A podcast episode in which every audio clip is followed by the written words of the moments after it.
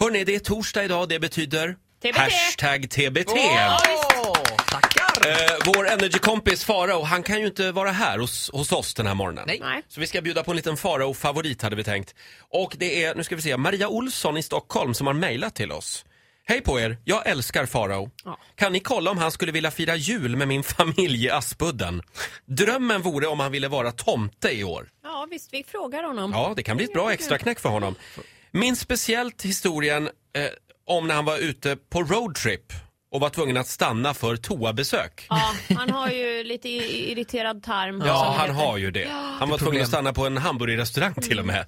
Ska vi ta och lyssna på, på den historien igen? Ja, gärna. Ja. Jag sätter mig i bilen på väg till Skövde och jag har ju IBS, alltså irritable bowel syndrome, Oj, vilket oj. i korta drag betyder man äter som en höna, skiter som en elefant. Liksom. Så jag är höjd med Eskilstuna ungefär, börjar trycka på i sista slussen. Jag vet. Det blir sillhuvud, jag bara oh oh. Ser ett McDonalds torna upp sig i horisonten, svänger in, in på toaletten du vet. Och på McDonalds är det så här att på var tionde anställd ska det gå en person med funktionshinder. Det är liksom McDonalds strategi. Men alltså, på var tionde anställd? Ja, så har de en person med funktionshinder, oftast med Downs syndrom eller någonting sånt. Fin tanke. Som jobbar där. som jobbar där. Och man ser alltid vilka restauranger som utnyttjar det här. För där är det shiny, glossy and perfect. För de står oftast ute och bara torkar bord liksom. Och de gör det med den äran. Och McDonalds Eskilstuna hade en person med funktionshinder som jobbade där. Eh, Så jag springer in för att bedriva självexorcism på toaletten liksom. Stänger in, sätter mig, du vet, och upptäcker le katastrof. Jag har inte låst dörren. Oj. Nej! Aj, aj, Men aj. man tror ju att det där inte ska hända. Och när, liksom, när exorcismen är i full gång, då är det inte som man bara knipsar av. Utan där sitter jag och bara...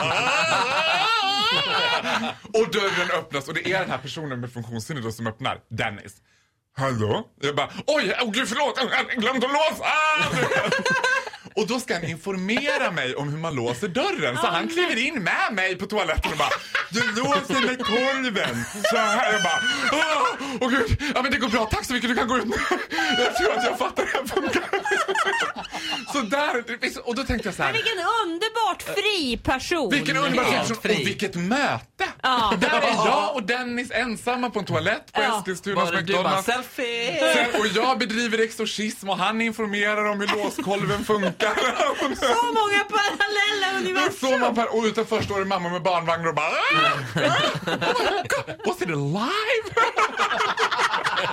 Did you Ja, så här lät det för ett tag sedan när Farao var på besök och, och ja, glöm inte låsa dörren om du Nej. går på toa. låser med kolven. En liten applåd för Farao, Ja, jag. även för Dennis. Ja. Mer Farao finns det i vår YouTube-kanal, Vakna fan kan vi tipsa om.